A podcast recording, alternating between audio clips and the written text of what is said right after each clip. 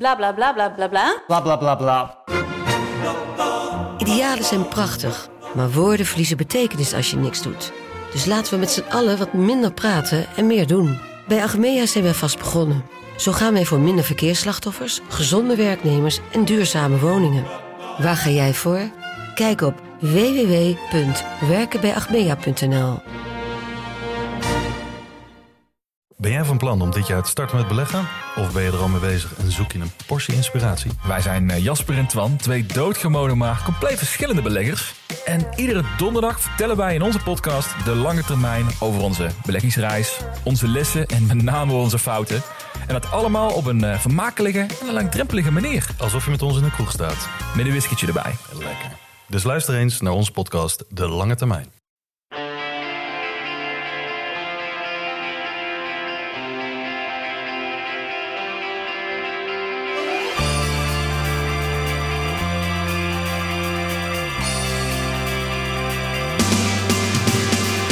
Welkom bij Poki, een podcast over kunstmatige intelligentie. Waarin wij, Wietse Hagen en Alexander Klupping je bijpraten over de wondere wereld van AI.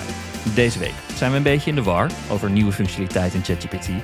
Mensen kunnen namelijk betalen voor het pluspakket. En die mensen kunnen vanaf nu in Nederland foto's en audio uploaden naar ChatGPT. En wij bekijken wat je daarmee kan.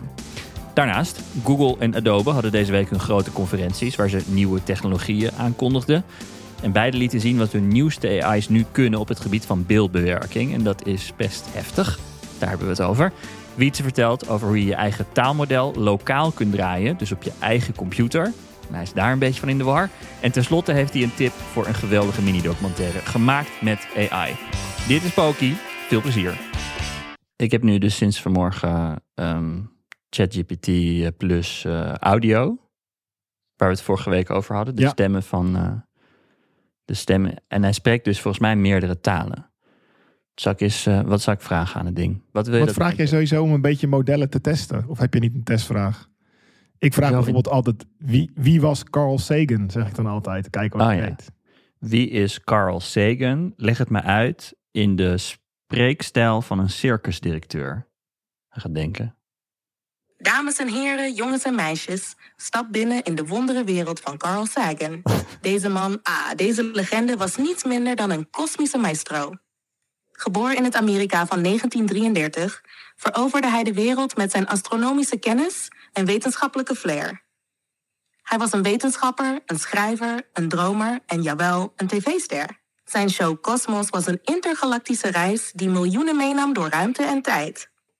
Carl Sagan, de ringmeester van het kosmische circus. Jezus. Nu je dit weet, wat intrigeert je het meest over deze veelzijdige figuur? Oh ja, ja ik heb tegen ChatGPT gezegd dat hij mij altijd vragen moet stellen. aan het einde. Ik hoor het.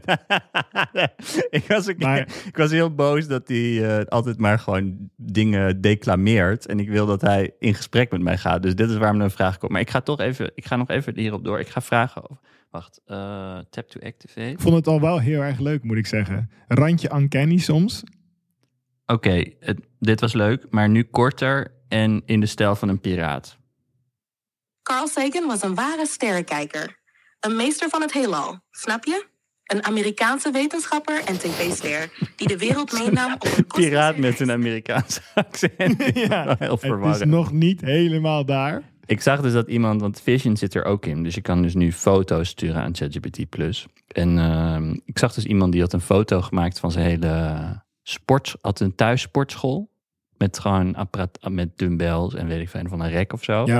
En dan had hij een foto gemaakt van zijn equipment. En die zei, die maak hier een trainingsschema van. Komt dat ding met een trainingsschema? Wietse, we leven in de toekomst. Ja, ik moet zeggen dat ik eh, nog meer onder de indruk ben van de Vision dan de audio. Die audio is tof en het is ja, een beetje vreemd ook of zo, maar ik vind het wel heel leuk. Het is Ja. heel leuk om mee te spelen ook. Maar die Vision, het is ook omdat ik denk ik technisch eh, ja, gewoon onder de indruk ben van oké, wauw, je moet dan dus objectdetectie gaan doen binnen zo'n afbeelding. Je moet Ja. eerst al die concepten die daaruit snijden of zo.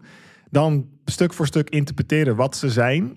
En daar dan weer een verhaal van maken. Ja, op zich, als je eenmaal in tekst hebt wat in de foto zit, dan kan je dat weer voeren naar dat taalmodel. Het is gewoon echt een aaneenreiging van verschillende stukjes wat het zo gaaf maakt. Mhm. Net als wat er natuurlijk met HeyGen gebeurd is, die van alles aan elkaar hebben gerijgd en ineens als totaalpakketje heeft het zo, maakt het zo'n indruk. Wat vind je tot nu toe het indrukwekkendst wat je gezien hebt aan voorbeelden van die plaatjesherkenning? Eh, dat is. Ja, ik heb nu. Wat ik gaaf vond is, maar dat is gewoon uit hun aankondigingsblogje van OpenAI, is het idee dat je je fiets gaat repareren.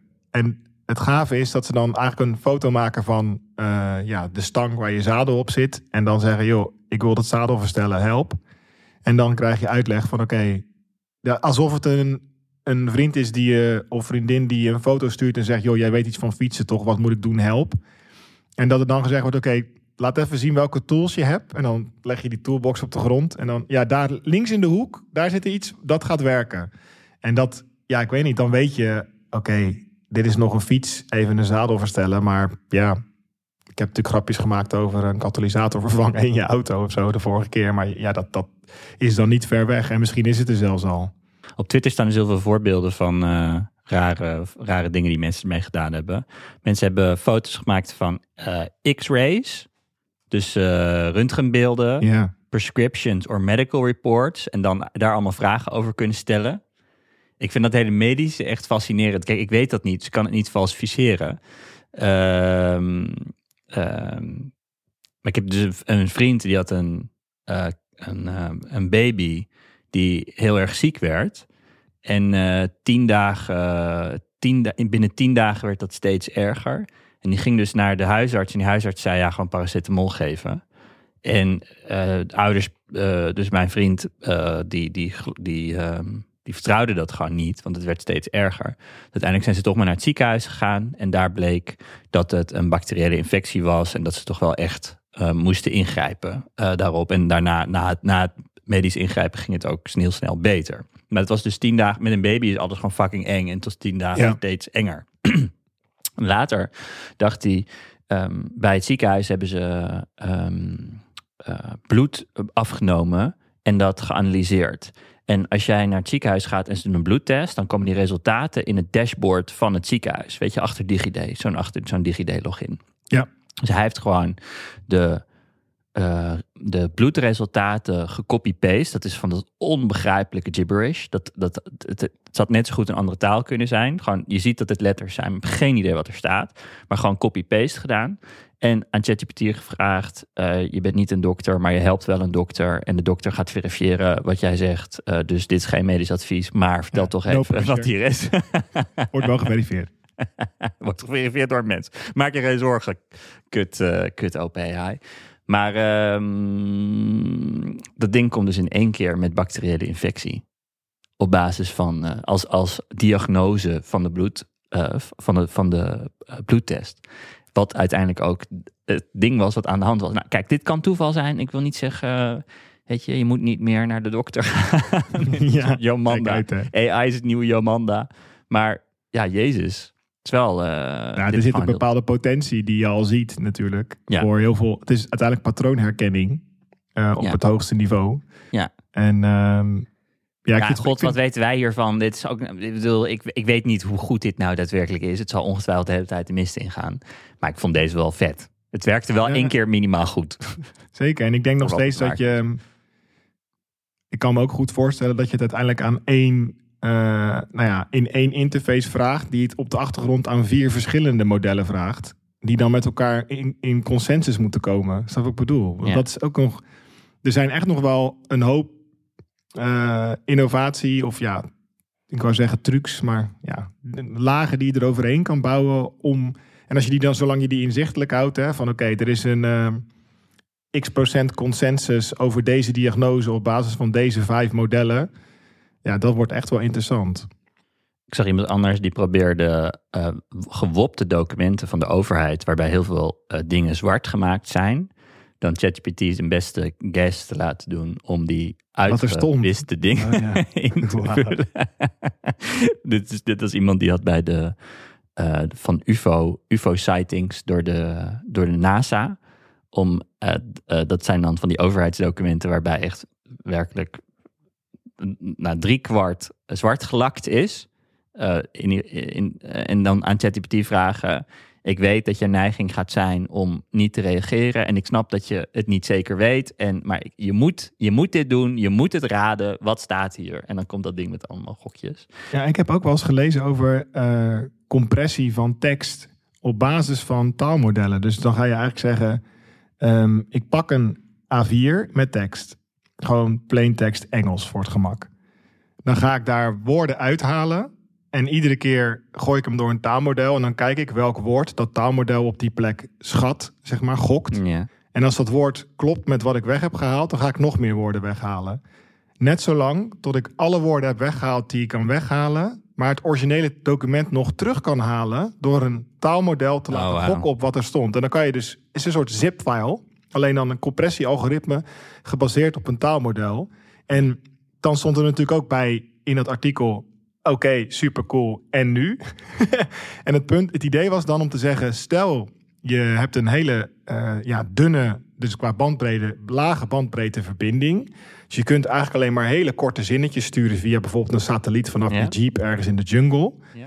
Dan kan je dus met iemand anders aan de andere kant, zolang je weet dat het exact hetzelfde taalmodel is. Dat is natuurlijk een afspraak die je van tevoren kunt maken. Hè, dat je zegt, joh, ik gebruik deze als jij die ook gebruikt. En dan kan je met elkaar communiceren via de meest minimale communicatie. En Ja. de rest wordt er gewoon bij eh, verzonnen. Het is wat wij als mens natuurlijk ook kunnen. Hè. Als ik met jou nu praat en er valt van alles weg, dan gaan we dat ook kunnen vullen. Een soort error correction algorithm.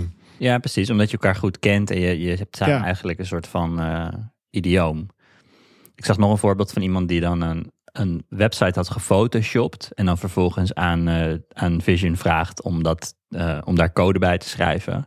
Eh, we hebben ook natuurlijk gezien dat mensen een eh, eh, wireframes tekenen op een whiteboard en zeggen maak hier maar een app van. En dat dat ding heel, een heel eind komt.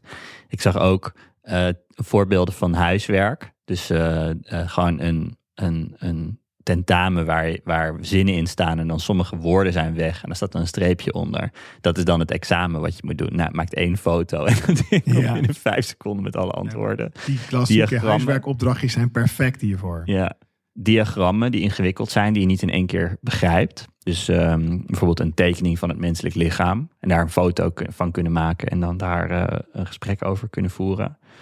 Eh, mensen die foto's maken van plekken waarvan ze niet zeker weten waar het is. Maken gewoon een foto van een plek en vragen dan waar is dit? En dan vervolgens komt dat ding met het antwoord. En ik zag één keer, eh, dat hoorde ik in Hardfork, iemand die een foto maakte van iemands kleding.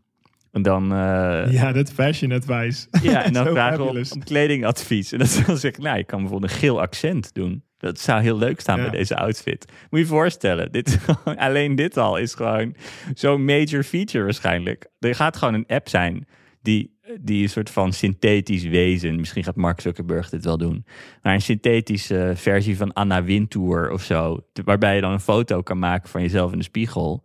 En die dan gewoon legit kledingadvies gaat geven. Ja, En waarschijnlijk En ook kan- dan nog shit aan je gaat verkopen. Zeggen, je hebt, nog, je hebt niet echt een, een leuke gele das. Misschien eh, deze is nu in de aanbieding. Ja, of je krijgt een DM'tje van, nou ja, dat zal dan geen H&M heten, maar ja, iemand van H&M in je Insta. Die Ja. zegt, joh, ik zit Ja. even naar je foto's te kijken, gezien Oh. onze nieuwe zomercollectie. Je weet gewoon dat, dat Google dit gaat, of Facebook dit gaat verkopen. Een soort van AdWords injection in gesprekken. Ja, En dat die robot je ook daar naartoe gaat praten op een moment dat je op, op je allerzwakst bent. nou ik moet zeggen dat ik dat, dat eh, het kijken, die vision, dat landt bijna nog niet helemaal bij mij. Ik heb ook heel veel van die voorbeelden op Twitter gezien en dat, dat is super spectaculair. Dat je echt denkt, dat is niet perfect, maar er zitten echt Ja. dingen bij. Van, ja, kan je me de ironie uitleggen van dit stripverhaal? Dat je echt Ja. denkt, hoe dan? Er, zit niet eens, er zijn niet eens tekstballonnen bij. Het is echt op basis van wat daar gezien wordt. En ehm, ja, ik, ik moet zeggen dat ik dat bijna nog even moet laten landen of zo. Van, wat is er nu weer voor poort open gegaan? wat er nu Ja. weer allemaal kan. Ja, En wat je zegt, hè, het is nu nog een beetje spelen. En het is bijna ja, een, beetje, een beetje mee rommelen, beetje knutselen. Totdat het in die lekkere interface verpakt zit. En het gewoon een heel doelgerichte Ja, maar dat is het. wordt. We worden zo verwend door de, door de bak aan features die in één keer vrijkomt. op het moment dat je foto's kan uploaden naar ChatGPT. Dat, dat ons hoofd gewoon het niet aan kan. Terwijl als je nu zou zeggen: ChatGPT heeft een nieuwe functie gemaakt. Namelijk, je maakt een foto van je interieur. en dat ding gaat je vertellen hoe je je interieur leuker kan maken. Dan zou dat opeens iets zijn waar mensen over zouden gaan praten. En Ja. of, of dat modeding wat ik net zei. Ik weet gewoon, als, je, als, Chat, als, als OpenAI gewoon product teams zou hebben. En ongetwijfeld hebben ze dit. Maar stel, stel je voor, ze zou een soort interne incubator hebben waar ze apps gaan maken. Waarbij één heel specifiek ding uitgewerkt wordt. Zoals, nou, ik vind oprecht het idee dat je een foto kan maken van je outfit. En dat dat ding daar commentaar op gaat geven. Ja, het is gewoon killer app. Je Ja, weet gewoon, wel, dat gaat los. eh, ze hebben wel een overzicht van eh, de investments die zij hebben gedaan tot nu toe. Ja, en dan kom je wat, ja, het OpenAI Startup Fund is dat. En als je dan Oh, ziet ja. wat ze tot nu toe hebben gefund, dan kom Oh, je ze veel doen meer gewoon. die eh, concrete oplossingen. Ja, ja, ja, een ja, eh, eh, mentor of een, of een assistent in het juridisch spectrum. Die heet dan voor mij Harvey, zoals Harvey Dent in de tv-serie Suits. En dan heb, dat heet die startup heet Harvey. Ik denk dat volgens mij wat we nu proberen te zeggen is dat wat OpenAI en ze zijn, ze zijn niet de enige, maar nog steeds wel echt wel rennen ze voorop. Een soort eh kunstmatig intelligentie besturingssysteem eigenlijk lanceert. Gewoon een, een operating system met allemaal features erin. Waar wij allebei zoiets van hebben van ja, als je dat kan, hè, je hebt toegang tot een microfoon of je hebt een camera en die kan wat zien. Dan zien wij al, maar de applicaties missen eigenlijk nog een beetje. Er was nog ander nieuws deze week. Namelijk eh, Adobe had haar grote event. eh, wat ze ieder jaar doen. Om te Hoe heet het bij Adobe? Adobe Hun Max. zeg maar? Adobe Max. Adobe Max. Een volle zaal met mensen die allemaal kijken naar de nieuwste eh, verzinsels van Adobe. Ik moet zeggen, dat is sinds een paar jaar echt heel leuk om te kijken. Het zat, nooit zo in mijn systeem. Ik, ik kijk helemaal niet. Ik weet Ja. helemaal niet dat dit er is. Het is heel leuk. Eh, Hm. Ik kijk wel Google keynotes. Ik kijk altijd Apple keynotes. En ik kijk Samsung keynotes voor de grap. Eh, want die doen altijd heel erg hun best. En het is altijd echt onwijs over de top in hun studio's. Maar het is allemaal het gewoon net niet. Het is echt letterlijk de AliExpress versie van de Apple keynote. Eh, en daarna heb je Adobe Max, wat gewoon een hele aparte klasse is. Een aparte categorie. Waar ze ehm, hun nieuwste verzinsels laten zien. En ik kan me nog goed herinneren, een paar jaar geleden, nog voor de hele AI-hype, dat zij eh, een versie maakten van Adobe Audition. Dat is de audiobewerkingstool van. eh Ja, dat ze die woordjes er al tussen konden plakken. die woordjes ging tussen. Oh, dat was op zo'n event. Oké. Zeker. Ja. Ja, Ja. dus dan hebben ze een, ze hadden een zinnetje en dan was er een, eh, dan was er een engineer en die liet dan zien dat in die zin die in audio was eh, ingesproken, dat hij gewoon met de toets, met, met, let, met tekst, alsof het een tekst was, ehm, een, een woord kon vervangen door een ander woord wat hij zelf intypte en dan eh, genereerde Adobe de tekst erbij. Nou, nu inmiddels denken wij, haha, leuk, kan Leem. iedereen. Maar dit was echt magisch eh, een paar jaar geleden. Nou, zo doen ze dus ieder jaar doen ze allemaal van dat soort experimentjes. Waarin je, en, en later schuiven die dan allemaal de Adobe Suite in. Ehm, en deze keer hadden ze ook weer een aantal nieuwe dingen. eh, die ze dan nu nog los presenteren. Die, die meer een soort van technische demo's zijn. Waarvan je dan weet, nou ja, over een tijdje zit dit dan in die cloud Ja. servers van ze. En eh, deze keer was vooral opvallend dat ze een tool eh, aanboden waarmee je eh, een foto hebt voor in Photoshop. En dan zie je op de foto zag je een mevrouw staan met een geel koffertje in haar hand. En wat je dan vervolgens kan doen, is het koffertje aanklikken. en dan kun je de move tool aanklikken en je kan gewoon met die koffer schuiven. En Wat gebeurt er dan wat- met de arm? Nou, die blijft gewoon staan. Dus dat ding constateert, de koffer is een los object met, de, met Ja. het hengsel naar boven. Haar, haar hand blijft gewoon intact. Ik moet zeggen, die hand had wel wat artefacts. Maar Ja, handen zijn moeilijk. ja, maar goed, hij, hij- die koffer kwam helemaal los van de achtergrond. En de achtergrond tekent hij dan dus in. En het is, een, het is, het is intuïtief als wat. Want eh, weet je als, je, als je aan een kind zou uitleggen... nou, ver- verschuif de koffer hier in Photoshop... en je legt uit hoe een muis werkt, zeg maar... of je doet het gewoon op een iPad... Ja. en je pakt de koffer en je verschuift hem... dan denk een kind denkt gewoon, ja, natuurlijk kan dit. Maar wij denken, eh, dit is een foto, dit is helemaal geen losse laag. Hoezo eh, kan je die koffer verplaatsen? En als je al die koffer kan verplaatsen, hoezo weet je wat er op de achtergrond staat? En het staat hem niet in de foto, maar dat vult die AI dus in. Dus dat betekent dat hij alle losse objecten op een foto herkent. En, daar, en die kun je manipuleren omdat hij de achtergrond automatisch invult. Dus dat is dus heel cool. Eh, je kan dus ook losse objecten groter en kleiner maken of losse objecten gewoon verwijderen. Ehm, wat ze vervolgens ook deden was constateren, oh die hand die heeft wat, wat gekke artefacts. Uh, ja, dat is nou eenmaal op dit moment de stand van de techniek. Dat, dat, dat ga je niet zo heel veel aan doen. Maar zij hadden wel een oplossing daarvoor. Namelijk dat ze met Generative veel uh, bloemen in die hand deden. Waardoor de artefacts gemaskeerd werden. En het er eigenlijk wel weer heel... Ja, Ja, het, het zag er eigenlijk daardoor weer heel goed uit. Ehm, eh, dus dit, eh, eh, eh, dit liet Adobe zien. Daarnaast eh, hebben ze zo'n geautomatiseerde functie om eh, mensen op de achtergrond van foto's weg te halen. Eh, dus eh, je staat op een plek waar veel toeristen zijn en je hebt geen zin dat die toeristen op de achtergrond staan. Dan is er één knop waarmee je gelijk alle achtergrond artifacts kan weghalen. Dus je hoeft niet eens alle losse toeristen aan te klikken. Hij heeft in één Snap keer. gewoon, dit is de achtergrond. Ja, hij selecteert alle toeristen en haalt die allemaal in één keer weg. Werkt het maar in het echte leven ook zo in Amsterdam Centrum, zou ik zeggen. Ehm, dus dit zijn features die naar, eh, naar Adobe, naar Photoshop in dit geval toekomen.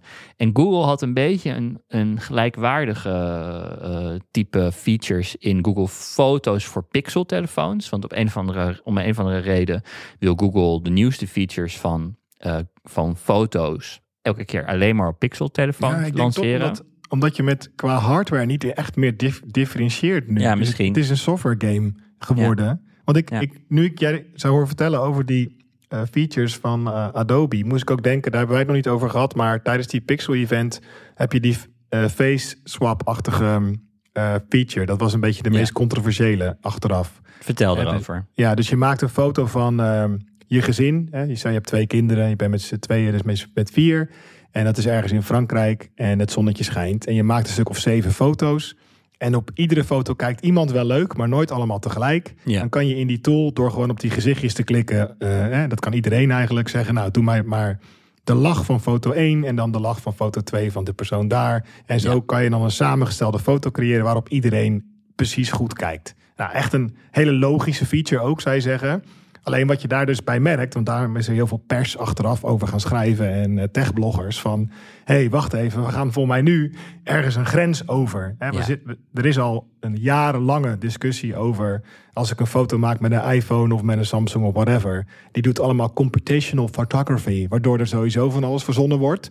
Maar zolang dat dicht komt bij wat ik op dat moment zag, hè, want die lucht was gewoon zo blauw. En dat kunnen camera's eigenlijk niet. Dus die moeten wel twee foto's samenvoegen. En die computational photography is dichter bij, bij de realiteit zoals ik hem subjectief waarnam als fotograaf. Ja. Maar, en hier zeggen ze, dat is dus een beetje, of zeggen verschillende mensen, ja, maar toen jij daar stond met je gezin, toen lachte toch ook iedereen. Alleen jij kreeg het niet voor elkaar om dat allemaal tegelijk te fotograferen. Dus met jouw composiet aan het einde, en zie je het meer als een portretschilderij, heb jij de essentie van dat gezinsmoment mooier en beter en eerlijker Ja. vastgelegd. Ja, het is een foto van de vibe in plaats van de milliseconde. ja, het is, zo'n enorm eh, 2023 ding om te zeggen trouwens. Ja, Je kan de vibe, vibe kan de vibe. Nee, ja, je, je hebt helemaal gelijk. Maar, maar daar... En ik had het tegelijkertijd toen ik al die blogjes las met allemaal paniek en commentaar zoiets van... Ja, ik denk gewoon dat heel veel mensen dit best wel een fijne feature gaan vinden. Ja, precies. Want de kern is, eh, mensen zeggen, wat is nog een foto? Nou, dat is een discussie die al oud is. Want in principe, toen je begon, toen je begon met Photoshop en allerlei kleurcorrectie, toen waren er ook allerlei puristen die zeiden, is dit Ja. nog wel een foto? Toen kregen we de hele Instagram-hype, dat iedereen filters erover ging doen. Dus dit, dit gaat met allerlei golven in de mate waarin wij in de cultuur accepteren dat foto's bewerkt zijn. Maar dit is een nieuwe stap in de zin dat, weet je, met toeristen weghalen. Ik dacht, ik denk, daar zijn mensen nog een beetje over. Zo van, ja, eh, normaal gesproken moet ik de hele tijd wachten totdat de toeristen weg zijn. En nu pas ik dat dan achteraf aan. Weet je, als je een foto gaat maken, dat je dan gaat wachten tot mensen niet meer in de weg staan om een foto te maken. Als je op de Eiffeltoren staat of zo. Dit doet iedereen. toch? Mhm. Nou, dat hoeft dan niet meer. Je hoeft niet meer te wachten. Dus je kan die, foto's weg- die toeristen weghalen. Dus het is hetzelfde als wat je zelf had kunnen doen. Nou, oké, fair. Eh, en nu heb je dan die gezichten swappen. Nou, dat, is, dat voelt dan al redelijk uncanny. En volgens mij komt dat gewoon dat je aan de lijven van mensen zit. Dat, voelt Ja. al, dat is altijd discutabeler. Dat is net zoals dat eh, eh, eh, Samsung-telefoons een tijdje gezichten echt hebben bijgetrokken. dat, dat bijvoorbeeld rimpels werden weggehaald Ja, automatisch. Virtual make-up noemen ze dat. Ja, omdat dat nou eenmaal in Aziatische landen veel gebruikelijker is. En dat deden ze in het Westen ook. En toen gingen, stonden mensen hier ook een beetje op hun achterste poten. Maar voor mij gaat er wel echt... Voor mij is de grens... Gaat, want ik vind dat ook niet eens zo erg. De vibe fotograferen. Dus drie lachende Mhm. gezichten. Terwijl op geen één foto iedereen lacht. Ik vind dat nog niet zo erg, want dat is inderdaad mijn herinnering. Dus dan is dat oké. Wat ik echt heel gek vind, is dat ze zeggen: maak het weer mooier. Dat is dus ook een functie in Google Foto's. Ja, dat je echt zegt: dat maak het weer mooier. En dan halen ze dus de fucking wolken weg. Dat is wel, ook- daar zit ook een interessante grens, zeg. Want dan ben je echt aan het liegen. Bij die vibe-foto kan je nog zeggen... nee, het was gezellig. Precies. Iedereen moest lachen, alleen om's de beurt. Ja. Dat was het. Maar iedereen Ja. lacht uiteindelijk binnen... Het is een gemiddelde van een minuut. Maar het is niet een gemiddelde van een minuut... als er geen wolk, als er wolken hingen. Ja. Maar goed, ik zat hier dus een beetje over na te denken. Zo van, wat is de volgende stap nu? Hè? Want eh, dit, dit spreekt allemaal redelijk voor zich, denk ik. We, komen uit een stadium dat foto-apps op je mobiele telefoon... dus gewoon voor consumenten niet Photoshop zijn. Gewoon simpele fotobewerkingsapp. We komen uit een tijd waarin... eh, dat vooral gaat over scherpstellen, ondubbelen, weet je, locatie toevoegen, gezichtsherkenning, waardoor je makkelijk je kinderen kan vinden. Nou, dat soort dingetjes. Dat is nu, gaat het meer naar de foto's die je maakt moeten mooier zijn. Nou, oké, eh, dat is blijkbaar de tijd waar we nu in zitten. Waar gaat dit dan eindigen met alle, of tenminste, wat wordt de volgende stap eh, met alle technische ontwikkelingen die we nu zien? En dan denk ik, volgens mij wat, wat de volgende, wat, wat zou kunnen, ik weet niet of ik dit wil, maar wat zou kunnen is volgens Nu mij... al goed dit. Ja. Kom maar door. Kijk, zoals dat ding de foto, eh, de koffer, de gele koffer die verplaatst wordt en dan de achtergrond invult. De computer gokt dus wat er buiten de, achter de objecten op de foto of buiten de randen van de foto gebeurt. De computer gokt gewoon wat daar gebeurt. AI. Nu denk ik, als je dat omarmt, dan kun je dus eh, een soort van 3D-werelden van je foto's maken. Dus stel je voor, je fotografeert je kind in een speeltuin. eh, en die zit bovenop een klimrek, ik noem maar wat. Dat je in Google Foto's over een jaar of over twee jaar, dan heb je zeg maar het begin met die foto. Dan weet ik veel. Dan als je die foto, als je erop swipet, dan is er een kleine eh, beweging in de, in de foto, waardoor je doorhebt, oh, hij, hij is in principe, dit is in principe een soort van 3D-foto. En dat je dan dus niet alleen eh, dat het kind zou. Eh, het is geen video, maar wat hij wat hij kan doen is een soort van drone shot ervan maken. Dus dat, die, dat, je, dat je, hebt, je hebt je kind gefotografeerd op een, eh, op een klimrek, dat dan die camera er langs pant alsof het een film is, zeg Ja. maar. Of dat, die, dat, dat langzaam de camera zeg maar schuin omhoog Ja, vliegt. en deze fundamentele techniek is er sowieso. Precies. Dus weet je, in heel veel van die research papers zie je al langskomen dat je door je eigen huiskamer heen vliegt met een virtuele drone gebaseerd op drie foto's. ja, En hier zou je kunnen zeggen van, nou moeten het dan nog drie foto's zijn? Hè? Wordt dat slim genoeg om de rest erbij te hallucineren? Of kan die uit Hij gaat soort... net zoals Google nu ook al op. Als je drie foto's van dezelfde situatie hebt gemaakt, dan laten we, laten we wel weten. Dit doen wij tegenwoordig de hele tijd, omdat het niet meer een fotorolletje is waar 28 foto's op Ja. gaan. Gewoon iedere situatie fotografeer je tien keer. Dat betekent dat de datapunten er zijn. En nu maakt Google daar dan gifjes van in Google Foto's. Dus als hij vindt dat foto's op elkaar lijken, dan doet hij net alsof het een filmpje is wat herhaalt. Nou, oké, dat is dan de.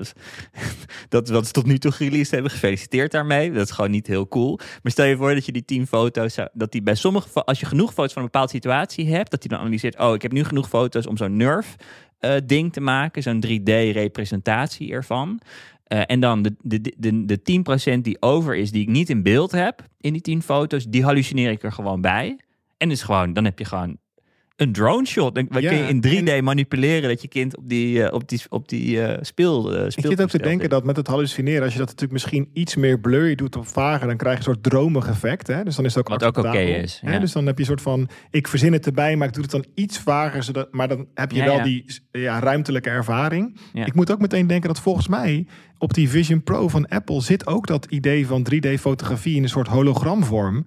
Eh, want de iPhone 15 eh, Pro en misschien ook wel de 15, die doen al, voor mij standaard zelfs, de data pakken die nodig is om deze 3D-achtige fotovideo's te, ma te Van de maken. LiDAR-laser. Ja, zodat je ze dus al hebt staan op het moment dat je dan ooit eh, nou ja, een kleine tweedehands auto uitgeeft aan een Vision Pro. Dat je dan weet, ik heb al een half jaar, want ik loop ook altijd mee op de nieuwste smartphones. Ik niet, maar dan die persoon. En dan, het moet, je moet natuurlijk, die camera die kan fotograferen in pseudo 3D, eh, pseudo video hologrammen. Die moet er eerder zijn dan de viewer. Hoe raar het ook klinkt. Want ja, je- wil van tevoren al een heel eh, archief hebben met die nieuwe, coole. eh, en, maar ik moet zeggen dat in dat marketingmateriaal nog niet van Apple het idee zit wat jij nu zegt.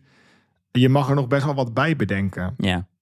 Want dat kan natuurlijk, ehm, zeker op heel veel standaard situaties, hè, een woonkamer, ja, weet je, dat kan het prima. Trouwens, als het Google is, hebben ze sowieso nog meer foto's van jouw woonkamer, want daar maak je al jaren foto's. ja, precies. Ja. Dus die Ja. hallucinaties worden fantastisch goed. Ja. Ja, interessant. Nou, dus Maar het dan- fotoboek van de toekomst, eh, dat, dat, eh, dit, dit is een stap die, eh, die ik me wel voor kan stellen. Maar ik dacht, ik dacht dat wat jij net ging zeggen, voor jouw concept ook cool hoor. Maar ik dacht, jij gaat zeggen, er komt een system card voor je camera. Want je kan natuurlijk, dus dat jij, system card is veel te technisch hè. Maar dat zeggen wij even dan, omdat eh, als, je, als je vanaf het begin luistert, dan weet je wat dat is. Ik ga het niet meer Ja. uitleggen. Nee hoor. Ja, daar had je maar op moeten letten in de vorige les. Nee, maar de... eh, hè, dat, je de, dat is eigenlijk de pre-prompt. Hè? Dus dan vertel je wat Alexander doet. Van ik ga, ik doe niet, stel een vraag aan het einde van iedere, iedere vraag die ik stel. En dat, zit Ja. dan in, dat gaat mee. Een herhalende opdracht in ieder ding. Een soort persona in het toneelstuk. Jij bent die man die bij de snackbar werkt. En dan moet je niet vergeten bij het volgende stuk, want je blijft die man. Nou, dat. Ehm, je kan natuurlijk dan ook in je camera instellen, waarschijnlijk volledig visueel, die moedervlek.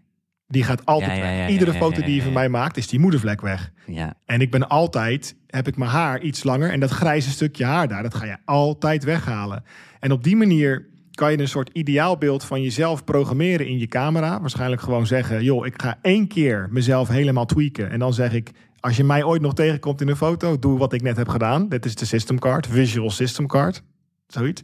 En eh, dan krijg je, en dit, dit is niet nieuw, want het is al voor een aantal mensen zo, dat je, als het je lukt om die mensen die jou op die foto's zien, hè, stel je bent een meer een publiek figuur, dat ze jou nooit in het echt gaan zien, dan kan je dus die hele farce echt helemaal ophouden. En dat, bedoel, dat is nu al zo, want als jij altijd met make-up of wat dan ook, of met edits Instagram. opeens, dus, dus ik vertel nu niet ineens, wauw, dit kan ineens.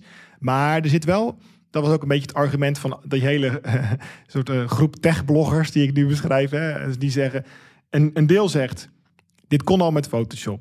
En dat, dat is zo. Als je even de tijd nam en met de nieuwe AI-features in Photoshop en alle andere tools en allemaal iPhone-appjes, kon je al heel veel doen. Ook in Snapchat, beetje aan schuifjes trekken en je kon al heel veel doen. Maar dat het constant geautomatiseerd gebeurt, dat is wel een verandering.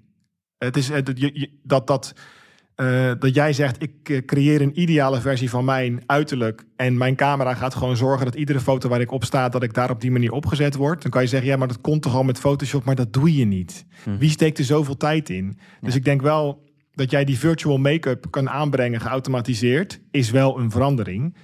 En als je dan zorgt dat niemand jou ooit in het echt te zien krijgt, dan zou je er maar mee weg kunnen komen om, eh, ja. Ja ik, zit, ik heb ook wel zitten denken, ik snap niet, maar misschien is dit al zo, waarom er nog geen YouTubers zijn die gefaceswapt zijn. Kijk, je hebt bijvoorbeeld ehm, Jerry Rig Everything. Die gaat altijd te- telefoons testen. Het is vreselijk om te kijken, want die gaat echt met een mes door dat scherm heen. Het ik word altijd heel ongemakkelijk als ik het kijk, maar kijk dan toch door. Want ik wil ook weten of die telefoon wel heel blijft en of die in de fik vliegt of zo. Maar hij doet alleen zijn handen in beeld. En hij heeft een hele opvallende stem. Maar dat is wat hij is. Zijn identiteit zijn zijn twee handen plus zijn stem. En eh, dat is denk ik bewust. Dat weet ik niet. Misschien heeft hij inmiddels al interviews gegeven. Maar hij zou er nu natuurlijk ook voor kunnen kiezen nu om te zeggen... ik ga wel in beeld, maar gewoon met een standaard... ik noem het dan even system card... maar een visual system card voor een face swap. Zodat ik een YouTube-persona creëer die niet bestaat, maar wel op YouTube. Ja. Dus dat. Dat, dat komt nu wel dichterbij, denk ik. De vraag is waar zit het dan ingebouwd? Maar wat betreft Ja, die virtuele make-up, sowieso. Ja, sowieso vind ik dit, dit voelt bijna als een, ehm, als een soort van, ehm, hoe moet ik dat nou zeggen? Als een stroming binnen al die creatieve AI-toepassingen, waarbij dus niet een eh, stem gegenereerd wordt eh, op basis van tekst, maar dat, je, eh, dat iemand een tekst inspreekt en dat dan AI die, die stem nadoet. Snap je? Dus, ehm, nee, ik zeg het verkeerd. Je, in plaats van dat je van tekst naar eh, een bepaalde stem die gekloond is, gegenereerd gaat, waarbij dan de AI zelf alle intonaties en zo gaat verzinnen of interpreteren of zo uit de tekst, waardoor het gewoon altijd uncanny is. Dat is nu zo met Eleven Labs. Als je, zeg maar, de reden waarom een podcast nadoen nog steeds niet om, om aan te horen is met Ja. Eleven Labs is omdat die alle nuances gewoon verkeerd legt in de taal. Hij begrijpt dat gewoon nog steeds niet. Dus daarom is het uncanny om, of een soort van uncanny valley om naar te luisteren. Wat, hij wel wat wel nu heel goed werkt, is zelf op video iets acteren en daar dan een geheel 3D vormgegeven AI karakter die die bewegingen nadoet. En hetzelfde met eh, audio. Dus als je eh, zelf een liedje, we hebben die voorbeelden gezien van mensen die zelf een liedje inzingen en dan vervolgens de stem van Kanye West daar overheen modelleren. Waarbij Kanye West dezelfde uithalen doet en dezelfde als, Ja, de, als wat de is ingevuld. emotional heavy lifting wordt gedaan door een mens. Ja, door een mens, door een Ja. acteur of zo. Ik weet niet zo goed hoe ik dit moet. eh, de, mens is dan eerder een soort. Nou is het niet die eh, Tom Cruise, zeg maar. Je hebt die hele jaren al, heb je al die AI Tom Cruise, die helemaal hot is op Instagram en TikTok. Dat is een acteur die ontzettend goed is in Tom Cruise nadoen, plus AI deepfake. Ja, precies. En die twee dingen samen is Ja. echt ontzettend goed. Ja. Dat is jouw punt, toch? Van je soort Ja, samenkomst van een onderliggende menselijke Ja. talent, plus die AI als cherry on top. Nou, en dit voelt als een soort van potentiële, of misschien is het al zo, een soort creatieve stroming. Waarbij mensen dus, eh, weet je, iemand die helemaal niet een acteur zou kunnen zijn, omdat hij gewoon te lelijk Ja. is. Of eh, Ja. een ander, ander defect heeft, waardoor hij nooit op een podium zou kunnen staan. Dit opeens wel heel goed kan als hij eh, slim dit soort tools zou inzetten. En dan maar dus het niet grappige is, wat jij nu beschrijft, hè, ehm, in de, niet om te zeggen dit is al zo, want ik vind dat altijd zo'n lege opmerking, maar meer ik probeer een parallel te trekken van ehm, Shakespeare schrijft een stuk. En die legt letterlijk de woorden in de mond van de acteurs op het podium. Ja. En gebruikt hun eigenlijk als een soort eh, ja, instrument eh, om dat te doen. En ik denk dat wat jij nu beschrijft is ook iedere... Hè, de film Her wordt niet gespeeld door de schrijver van de film Her. Want Nee, precies. hij zei, wilde dat niet, kan dat niet. Of denkt, ik, heb, ik ga iemand zoeken en die kan dit voor mij representeren. En wat jij nu beschrijft is, net als, ja, maar we hadden toch al Photoshop. Mm, nu kan jij je laten representeren door een jongere versie van Ja. jezelf. Een mooiere versie van jezelf. Je broer, je neef. Nee, een willekeurig gecreëerd door jou in een Ja. heel weekend. Jouw ideale persona die jij Ja. jouw verhaal wil laten vertellen. Ja, en dus dat betekent dat als jij nu, weet je, ik ging vroeger, toen ik eh, een jaar of acht was, rende ik rond met de filmcamera van mijn vader. En daar zaten dan, eh, volgens mij zaten daar zelfs, ja, daar zaten van die video, van die mini videobandjes in, die Ja. je erin kan. En dan ging dat later. Ja, high eight, ja. En dat ging dan wel digitaliseren en dat vervolgens monteren en alles. En dan ging de graphics overheen doen en muziek Had jij een kaart En- van Pinnacle? ja, zeker had ik een kaart van Pinnacle. nou, we zijn weer 90% van de luisteraars kwijt. En, ehm, dan, en dan, ik dacht, zeg maar, dat is gewoon, ik, ik, ik gedroeg me dan als een, als een Hollywood-regisseur, weet je. Ik was gewoon, ik was gewoon een reg- regisseurtje aan het spelen of cameraman aan het spelen. En ik, iedereen die ik zo ver kreeg om acteur te spelen in mijn films, die speelde in mijn films als je nu in de tijd, als ik nu diezelfde leeftijd had gehad en je had de, de tools van vandaag gehad, dan had ik waarschijnlijk gewoon. Ik had de, de acteurbeweging, ik had nog steeds dezelfde, alles hetzelfde gedaan van het filmen. Dus ik had zelf die camera in mijn handen gehouden. Ik had zelf, of die acteurs hadden zeg maar die teksten gedaan. Maar ik had hun stem vervangen. En die zou precies, die stem, die AI-stem zou precies zeggen wat die, echte wat die acteurs zouden zeggen. Maar eh, dan eh, weet ik veel zwaarder aangezet of met een eh, juiste stem van een 40-jarige in plaats van een 8-jarige. Ik zou die hele, die hele acteur aanpassen naar een AI-versie daar, daarvan. Die blend in de achtergrond, waardoor de achtergrond wel heel blijft. Ik doe een soort AI-grading eroverheen. Of Ja, maar je vertelt het nu alsof je dat alleen zou doen als je jong was. Maar dit kan nog, hè? Ja, en ik zit dus te denken, die, die, ehm, stel je voor je wil nu een, ehm, stel je voor je wil RTL Nieuws namaken nu en je hebt niet zoveel budget. Dan, dan kun je dus, zeg maar, ik zit te denken, hoe, hoe lang gaat het nog duren voordat een nieuwslezer, weet je, ik heb gaan heel veel gedachten door elkaar. Oké, ik ga deze gedachtegang eerst, eerst even afmaken. Hoe lang gaat het duren voordat er een nieuwslezer gewoon in een groen decor gaat zitten en waarbij Ehm, dat, gewoon een, een, dat kan gewoon een stagiair zijn van de redactie. Die gewoon eventjes de, de mimiek en zo eh, gaat doen. En dat vervolgens er een 3D-avatar van de nieuwslezer is. Dat kan een bestaand iemand zijn of een niet bestaand iemand. Wat wij als kijker zien, niet van echt te onderscheiden. Omdat alle menselijke gezichtstrekken en zo, die micro-expressies... AI is nog slecht om dat zelf te verzinnen. Hij kan niet bedenken wanneer moet ik een bepaalde expressie doen. Maar hij kan wel het heel goed nadoen als een mens het voordoet, real time. Dus we hebben iemand die als het soort van het nieuws acteert. En vervolgens hebben we daar een hele eh, set omheen. Een, een, drie- een 3D-set, zoals dat in feite nu ook wel is bij RTL Nieuws. Want het is één groot greenscreen. Ehm die schermen althans op de achtergrond.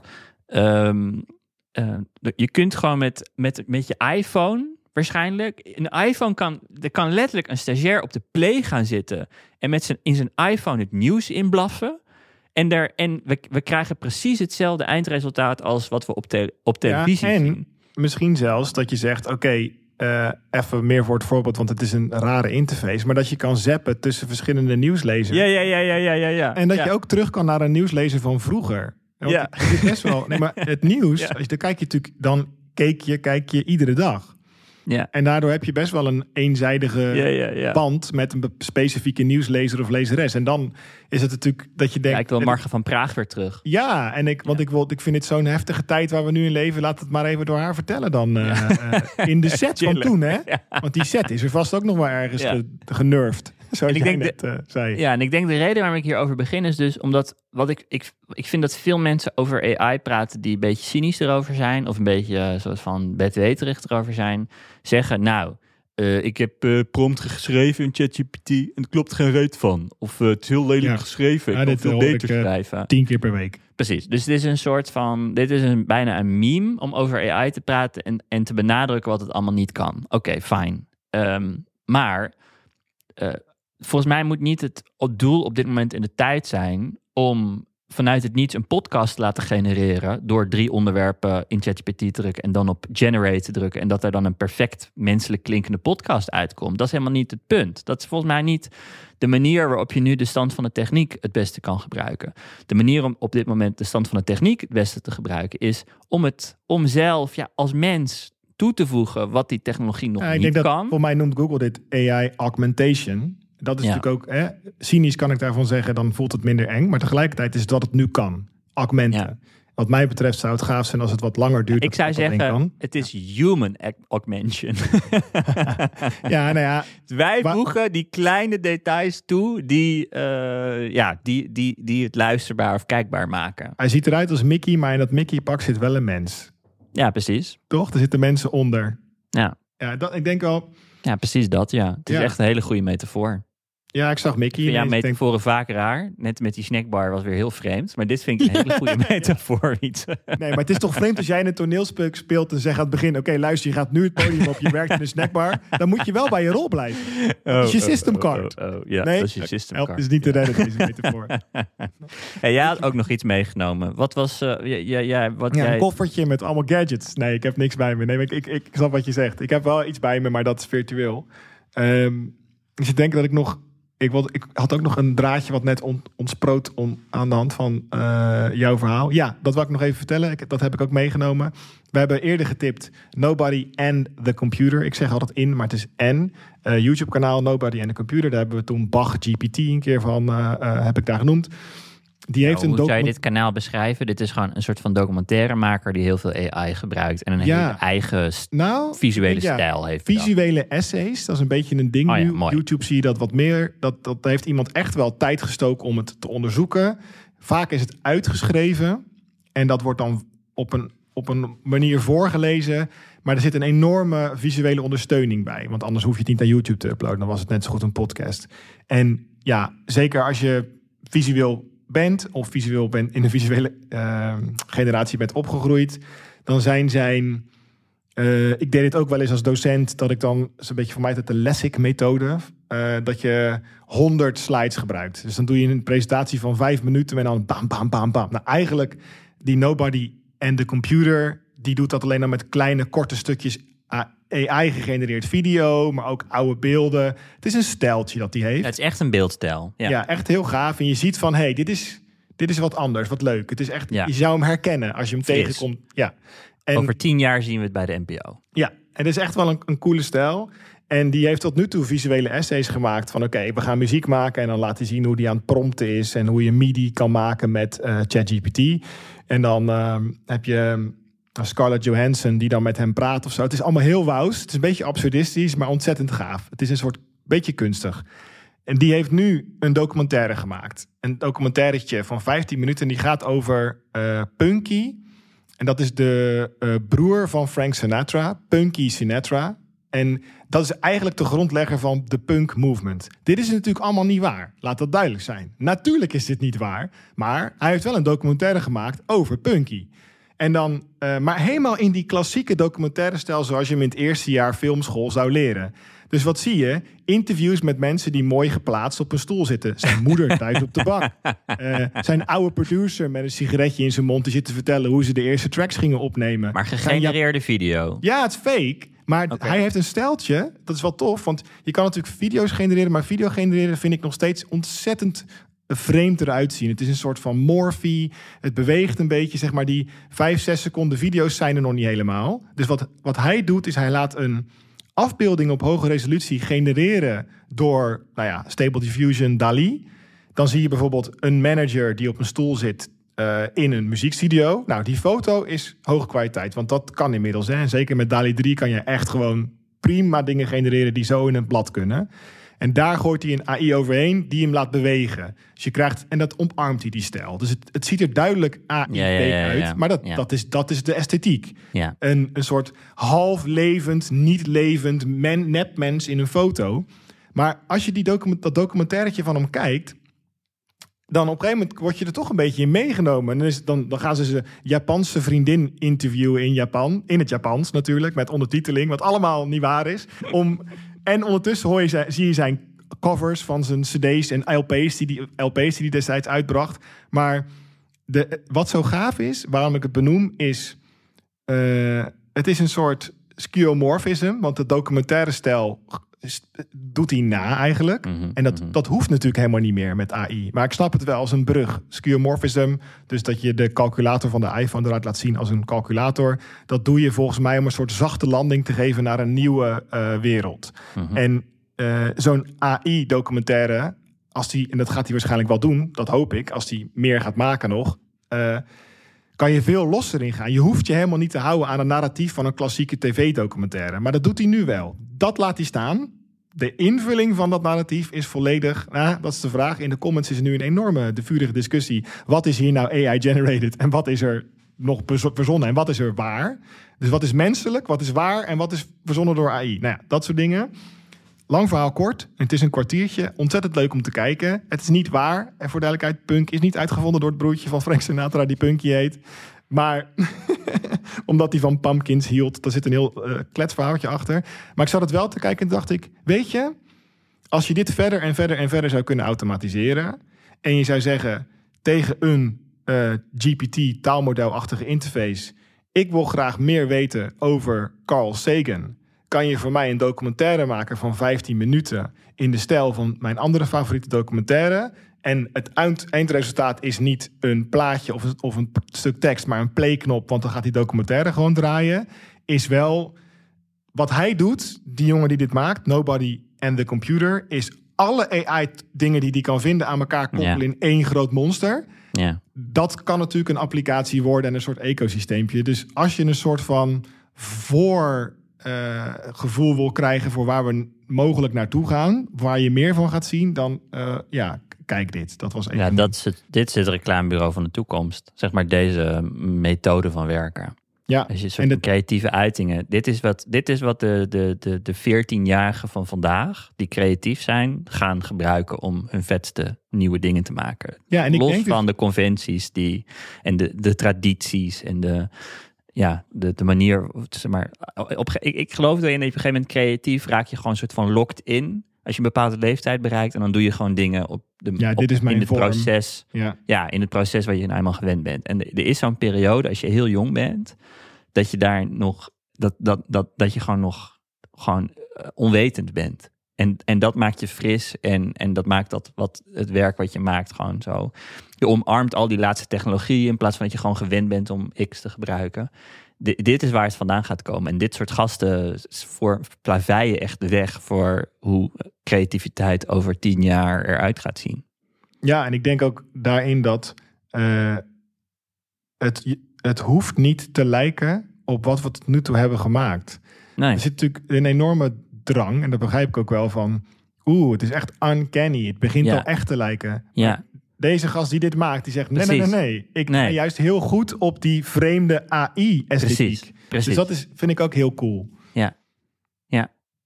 Oké. Wat, ik, eh, wat ik nog meer in mijn tas heb meegenomen, Ja. is eh, lmstudio.ai. Wil- LL LLM Studio. L- Nee, L- LM. Ik- Wat is LM. het? Wat is, wat is slecht van ML. lmstudio.ai. lmstudio.ai. Ja. En ehm, wat ik namelijk met jou al een tijdje eh, over fantaseer, is dat thuis kunnen draaien van een taalmodel. Ja. En ehm, daar hebben we het eh, over George Hotz gehad met zijn grote datacentercomputer. En wat moest dan lijken op de stroominfrastructuur van elektrische auto's, zodat ze die computer niet zouden komen weghalen. Nou, allemaal gekkigheid. Dit is allemaal wat tammer, maar ik ben er wel heel blij mee. Want ehm, ik klink misschien voor veel luisteraars als technisch, maar ik ben ook heel lui. Eh, dus ik wil ook gewoon toeltjes met knopjes in plaats van de hele zondagmiddag proberen om dat ene Python-script aan de praat te krijgen op mijn computer en dan werkt het weer niet. ja, wat tot Dus- nu toe nodig was om lokaal een taalmodel te draaien, dat is Ja. gewoon niet zo simpel. Ja, want wij praten dus over Lama en Alpaca. En die taalmodellen hebben allemaal namen. Meta, die, heeft, eh, die zit aan die Lama-kant. Die hebben Lama 1, Lama 2 uitgebracht. Ehm, je hebt de... Joh, noem er, noem er nou nog eens een paar. Je noemt nu laatst- open source taalmodellen. Ja, die je want- kan downloaden. Ja, en dat is ook nog tricky. Want je hebt dus de taal... Oké, je hebt taalmodellen die zitten ergens opgesloten in een datacenter. Bij OpenAI of bij Mhm. Anthropic, Claude. Of Waar we alleen de interface van kunnen gebruiken. Ja, dan- niet dat zijn- het is onderliggende taalmodel. een, een zwarte doos voor ons. Wij stellen daar vragen aan, die komen eruit, maar verder geen idee. En als ze, ja, je moet ook vaak dan betalen natuurlijk, want dat, als jij het lijntje beheert, kan je dat lijntje ook een iemand opzetten die zegt eerst even betalen voordat je door mag over dit lijntje, want je kan er niet naartoe. Mhm. Eh, en eh, je, uiteindelijk is het goed gebleken in de geschiedenis van de technologie om ook open oplossingen te hebben. Hier is het redelijk eh, een vraagteken nog, want het zou een soort van nucleaire technologie kunnen zijn, hè, taalmodellen. Ze zijn ook wat stemmen die opgaan van misschien moeten we het nog even niet in het publieke domein gooien, want de potentie van zo'n taalmodel is zo, die potentiële kracht is zo groot.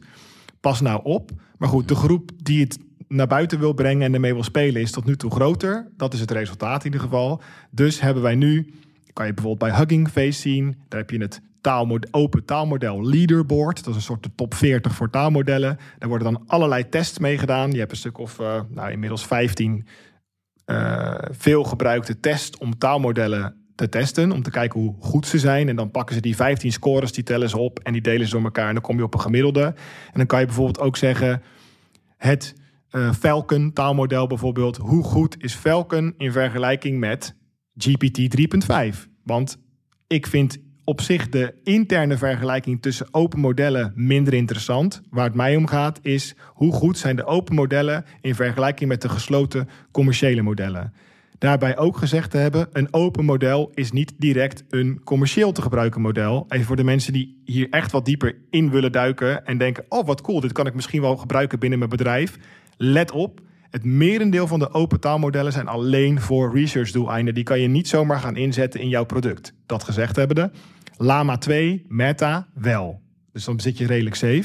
Maar hoe zit dat nu? Hoe, hoe, did they stack up? Hoe, hoe, hoe doen ze het nu in vergelijking met commerciële modellen? het beste niet, open niet zo source heel goed. Want dus, ehm, dat wil, het is ook goed dat je dit zegt. Want wat je dus kan met die LM Studio is de applicatie op Windows of Mac installeren. Het is een webwrapper, maar is best wel goed gebouwd. Dan start die applicatie op. Dan moet je nog zet even door, want ik heb al een paar mensen gestuurd die zeggen dan eh, zeg nou, even doorzetten. Het is nog niet helemaal plug and play, maar bijna. Dan je krijgt namelijk een zoekveld, net als vroeger in Spotify met mijn vader. En dan is er paniek. Want ja, ah, ik, ik, weet, dan, ik weet Lama en Falcon, maar ik, ik zou eigenlijk, hij, hij moet nog even, hij zei het, een top 10 modellen, most used. Laat me gewoon lucky guess. Ja, oké. Nu moest ik daar echt gaan intypen LL AMA. Dat ik denk, oké, Ja, blijkbaar werkt het zo. Nou, Ja. dan, dan typ je dat model in. Dan kom je in de volgende interface. Dat is gewoon de Hugging Face Search API. En dan krijg je al die taalmodellen terug. Dan zie je eh quantized to 7 billion parameters. Ik denk, geen idee. Weet je wat? 7 bil- mil- miljard zal wel goed zijn. Dus ik doe Lama 2, 7 miljard. Die is 3,8 gigabyte. Dan gaat hij hem downloaden. Dan klik ik in die applicatie op het icoontje chat. als die gedownload is, dan zegt er select model. Dan kan ik hem selecteren, want ik heb hem gedownload. Dan gaat die in je intern geheugen geladen worden. Zo, zo 4 gig wordt uitgepakt. En dan zit je ineens op jouw machine in een ChatGPT interface. Hm. En dan zeg je, hallo? Eh, ik zat echt zo van, want in mijn even, even naïeve technische brein, hè. Ik download de 3.8 gigabyte. Dat laat ik in mijn intern geheugen. En dan krijg ik een inputveld en dan zeg ik, hallo? Is daar iemand? en dan krijg ik terug, hoi, je kan alles aan me vragen. Ja. En ik denk dan, zit ik hier nu tegen een bestand te praten? Even heel suf gezegd, hè. Maar in essentie, het enige wat ik heb gedaan is een bestand gedownload, in mijn geheugen geladen. En nu kan ik er blijkbaar mee praten. Nou, toen ik dat cirkeltje rond had, dat is voor de luisteraar, zet door tot je dat cirkeltje rond hebt. Want dan denk je, hey, maar wat voor modellen zitten er eigenlijk nog meer allemaal in? En misschien kan ik het 13 miljard model wel draaien. Ik druk dan op 13 miljard. Er staat er meteen bij, let op, je hele computer gaat stuk. Want je hebt maar zoveel intern geheugen in deze laptop zitten. Dit gaat niet goed. Dus ik al meteen scrollen op tweede kans voor een Mac Studio. Want je wil eigenlijk gewoon het allergrootste taalmodel kunnen inladen. Eh, zeg maar, dat is de 70 miljard parameter model van Lama 2 van Facebook. En daar heb je 31 gig intern voor nodig. Nou, bla bla bla bla bla. Ik heb me ingehouden. Dacht, Wiets, rustig aan. Dit kan je beter voor een uurtje huren ergens in een datacenter. En dan heb je het ook getest. Want waarom vertel ik dit allemaal? Het is echt interessant als jij tot nu toe met ChatGPT eh, en Claude en Bing hebt lopen spelen, om deze applicatie te installeren, LM Studio, pak gewoon even het 7 miljard Lama ding. Of ik zag, ik, ik was aan het zoeken, een van de best geoptimized nu, die het hoogste scoort in die open lijst, is de Gen Z. En Gen Z is eigenlijk een fine-tune van Lama. Dus er zijn allemaal weer flavors gekomen inmiddels, nieuwe bierbrouwsels. Ehm, dan pak je die, dan installeer je die en dan ga je er tegen praten. Dan zet je even je wifi uit. Dan stek je die UTP-kabel eruit en dan ga je er weer tegen praten. En dan moet even dat besef indalen, hoop ik, van... zit ik hier nou potverdikkie te praten tegen een soort fake mens... die ik net gedownload heb? Ah! Want ik dacht echt, ik had het, kwartje viel bij mij echt dat ik dacht... hoe, welke modellen zijn er nog meer? Eh, ik wil eigenlijk een model helemaal geoptimaliseerd voor de Nederlandse taal. Ik wil een model wat heel dom is, maar heel slim op het gebied van programmeren in die en die taal. En ja, toen ik dit had getest, je moet het toch even ervaren. Dit kon al een jaar lang met Python en moeilijke scriptjes. Ik kreeg het nooit voor elkaar. Nu heb ik het wel voor elkaar. Ik ben excited. Misschien ben ik een eh, taalmodel nerd, maar ik ben vast niet de enige. Dat ik dacht, wat super tof. Nu wil ik ze zelf gaan trainen. Ik wil, want ja, als ik dit eenmaal kan, dan voelt dat als een, eh, iets heel cools. En waarom triggert dit je zo in plaats van dat dit eh, gewoon in een cloud draait bij OpenAI? Nou, het is, de- dat is. ehm, ja, het is denk ik toch wel die ijsjesmachine. Ik ga je even pakken op je ijsjesmachine van heel lang geleden. Jij hebt een keer op TikTok een ijsjesmachine gezien. Kan je of ijs meemaken? Voor mij kan je daar. eh, daar- je gooit van alles in die machine en dan wordt, komt daar een bak room Een uit. Ninja Creamy, ja. Ja, ja kijk, Ja. you got it. Oké, Ja.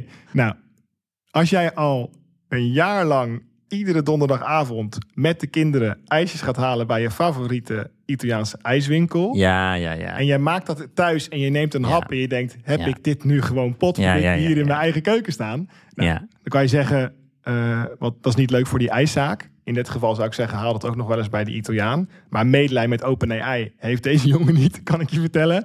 Dus nou, het, is, het is iets... ehm, het, is, het heeft meerdere eh, facetten voor mij. Ik vind het gaaf.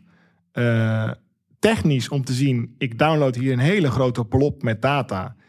En als je dat op een juiste manier inlaat, kan je met dat ding praten. Want ik, ja, ik zit ook te kijken naar file sizes toch wel. Ik denk dan, oké, ik download 3.8 gig. Dan vraag ik, kan je me meer vertellen over Carl Sagan? En dan krijg ik gewoon een antwoord. En dan denk ik, waar in die 3.8 gig zit dit, deze data? Nou, zo werken taalmodellen niet. Die data zitten niet op die manier in. Hè? En daar wordt ook... Dus dat, ik kreeg een soort bewustzijn van de grootte van die taalmodellen. En, ik zeg het nog even voor de duidelijkheid. Jongens, jongens, wat is dat taalmodel van 3.8 gig dom? Dat is echt GPT 1.5. Oké. Als je, ik, ik vroeg wie is Alexander Klupping? Dan zei hij dat is een, een Duitse eh, componist uit de jaren 20. Ik ben gaan googlen. Ik weet, voor, voor mij was het niet waar. Dus ehm, vol overtuigende hallucinatie van een pagina lang over jou Mm. die niet waar was. Mm. Dus toen dacht ik ook, ja, het is ook maar 3,8 gigabyte. Hè? Het is trouwens niet groter, beter, maar wel een beetje. Je- Ja, anders moet hij. Ja, je kan. je kan niet zeggen, ik, ik heb tien pagina's van eh, Harry Potter en de rest verzin ik er wel bij. Je moet wel meer data hebben om dat hele verhaal te kunnen. Ja, te kunnen maar oké, hij is dus niet zo slim. Hij is niet zo slim. Maar goed, dat is een kwestie van tijd. Ik bedoel, dan, dan, moeten, we- dan, dan zeggen we... Hè, want jij hebt nog een vraag aan mij gesteld een paar minuten geleden. Joh, hoe zit het nou in vergelijking tot de eh, gesloten modellen? Eh, wat ik zo in die test zie... is dat de heavy fine-tuned versies van, uit mijn hoofd, een Falcon-model... eh, komen in de buurt van ChatGPT 3.5. Of GPT 3.5, wat ChatGPT eh, is, Ja. voor de gratis versie. Ja, En dat is al best wel Best cool. goed. Maar weet wel, wat jij dan aan het draaien bent thuis, is iets van uit mijn hoofd 90 gigabyte ja, op een machine. Wat dus of twee brute Nvidia kaarten van 2.500 euro per stuk moet vat, bevatten. Of de duurste computer die Apple op het moment verkoopt. Maar als ik, als ik, als ik, ik probeer te begrijpen wat jou hier zo aan triggert, dat het lokaal draait, dat is gewoon, je, je vindt het gewoon technisch vooral een marvel. Of, of denk je, eh, nu ik dit kan, gaat dat betekenen dat ik straks X, Y en Z ook kan? Of Nou, ik- hoe, hoe werkt dit in jouw hoofd dat Ja, je hier zo enthousiast van wordt? Ja, dat ontploft dan echt in mijn hoofd. Want ik denk dan, oké, dit... ehm, oké, ik, ik maak even een metafoor. Ik weet niet of die zinvol is. Toen ik... Ik, ik weet echt nog als de dag van gisteren... dat ik een cd-brander in mijn computer had. Dat was namelijk een heel gedoe, technisch gedoe... om dat aan de praat te krijgen. Ik had een, een cd-brander. Niet eens dvd's. cd-roms kon ik branden. Toen zat daar een cd'tje bij van Nero Burning ROM. Daar kon ik dan mee branden. Je had nog veel meer programma's vroeger op Windows. En ik had die de CD-brander erin gezet. Ik kon hem eindelijk zien. Ik zag die drive letter in mijn computeroverzicht. ik installeer Nero Burning ROM. Ik vond het allemaal ingewikkeld, want het werkte. Het vond het steeds niet. Het duurde echt wel een weekend. En toen op zondagavond, na het eten, mocht ik toch nog even rommelen. Ik was vrij jong. En doe ik dat een van mijn spindel-cd'tjes van de Mediamarkt erin. En ik, ik brand er iets op. En ik, ik haal hem eruit, stop hem er weer in en het staat erop. En voor mij, als die cirkel dan rond is, dan denk ik, ja, maar nu kan ik echt alles. Ja, nu ja, kan ik ja, alles. ja. Ja. Ik, dat, want ik denk, oké, nu gaan we kijken hoeveel erop kan. We gaan overburnen, 703 MB. Nice. We gaan er een film op doen. We gaan, we gaan mp3-cd's branden en dan stop ik die in de auto van mijn vader. Want dan zag ik een mp3. ik zit, ik zit, eh, ik bedoel, dit is ook de inner nerd, hè. Dat ik zit te genieten van het feit dat ik mp3's kan luisteren op de autoradio van mijn vader. En dat ik die ook nog eens de track titles in beeld zie, want dat heb ik toegevoegd. Ja. Ja, maar ik, dus mijn enthousiasme, kijk, voor die tijd komen daar geen werkende CD-ROMs uit. Dus ik heb in essentie niks. Maar op het moment dat er ook maar iets rond is, dan weet ik, ja, maar nu als ik dit rond heb, en in het geval van die LM Studio, is het voor mij zo, oké, blijkbaar kan ik taalmodellen, wat uiteindelijk gewoon bestanden zijn, het zijn gewoon bestanden, die kan ik downloaden en inladen. Dan ben ik benieuwd, is er naast Hugging Face nog meer plek waar deze dingen staan? En hoe maak ik ze zelf? Ik, ik ben meteen gaan googlen. Ja, maar nu ik ze kan inladen, wil ik ze ook zelf maken. Want dan, dat is een beetje wat, wat ik denk je, wat, wat we de komende tijd veel meer gaan zien, is op maat gemaakte, domeinspecifieke Ja. taalmodellen. Ja. Ik ben daar heel erg nieuwsgierig naar. En ik wil dan niet wachten op OpenAI of Ja. eh, smeken met mijn creditcard of ik het alsjeblieft mag doen. Ja. En dit zeg ik nu even makkelijk. De, het draaien van de taalmodellen is echt wat anders dan het trainen van de taalmodellen. Ja, ja, ja, ja. Daar ze, trainen zeg je echt u tegen. Dan mag je echt een garage met eh, Mac Studios gaan, eh, gaan bouwen, zeg maar.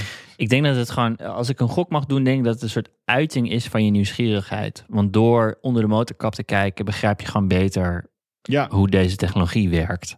En, ehm en OpenAI geeft je, het is een beetje als zo'n apparaat dat je niet zelf kan repareren. Als je ChatGPT ge- gebruikt, dan is dat een apparaat zonder schroefjes, wat je gewoon weg moet gooien op het moment dat het eh, kapot is.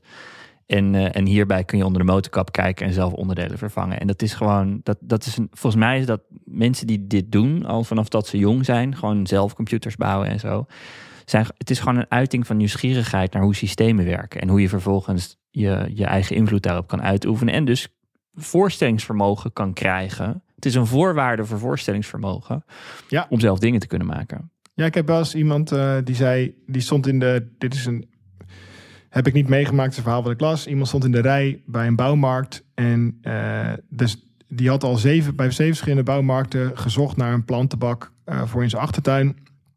Eh, en het lukte steeds niet. Toen stond hij bij die zevende en toen zei hij, mag kan die plantenbak zijn? Nee, sorry, hebben we niet. En zei hij, ja, ik, ik ben echt tot de hele dag bezig. Jongens, jongens, jongens, ik wil gewoon een paar planten in mijn tuin zetten. Toen zei die persoon achter hem, het is maar hout, hè? Je kan ook planken kopen en dan zet je daar zelf een plantenbak van in elkaar. En dat was een soort van, nou, die had dan een blogje beschreven dat hij zei, daar heb ik mijn eerste klussen zelfvertrouwen gewonnen. In die, in, ja, niet in die winkel, maar dat daar ging Mm. open. Mm. Toen hij hem in elkaar geschroefd had die avond, dacht hij, wauw, blijkbaar kan ik allemaal dingen in mijn tuin maken van hout. Dit klinkt echt kinderlijk naïef, maar ja, ja, ja. Nee, maar ik En- snap het. Het is een mindset. ja, en nu, ik denk dat, noem het eh, taalmodel zelfvertrouwen, wat ik nu. En het is allemaal heel minimaal, hè, want ik heb geen idee wat de, wat de wiskunde erachter is. De fundamentele wetenschap, jongens, ik snap er geen reet van. Maar wat ik wel weet, is dat ik een bestand van een aantal gig kan downloaden en dan met dat bestand kan praten. Volgens mij zijn we rond. ja, En, namens de luisteraars dank ik jou voor je Ja, nieuwsgierigheid. Wietse. Dit was Poki. Dank aan Sam Hengeveld voor het monteren van deze aflevering. Tot volgende week. Tot de volgende week.